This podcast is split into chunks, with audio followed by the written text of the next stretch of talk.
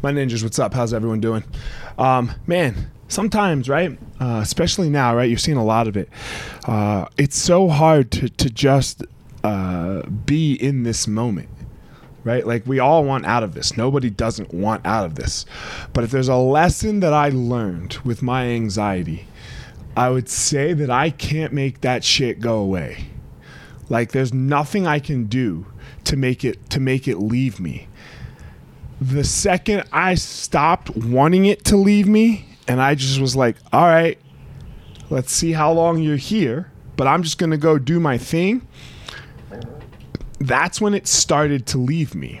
That's when I got a break because I stopped feeding it with my attention. Coronavirus is taking over our attention. I have a text thread with some friends where, man, I mean, I, I love my friend but he sends a, a new update every day. Every day with, just the, the same numbers, basically.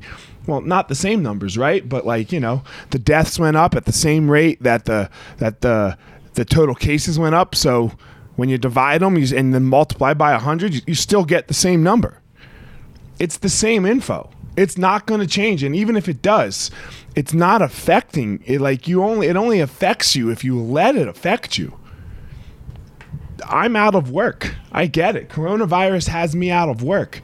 But like dwelling on the numbers of coronavirus are not going to get me back to work. Are not going to open the schools up. They're, they're going to open again. It's going to crush me on on the other end of sitting there and dwelling on the thought of it. So I just do this. And I podcast and I exercise and I play one on one with my kid. He's crying downstairs right now, but I just smashed him. But you know, you can't let a thought occupy your mind because it can take over. Let it come and let it go. Just like everything else in our life, it will come and it will go.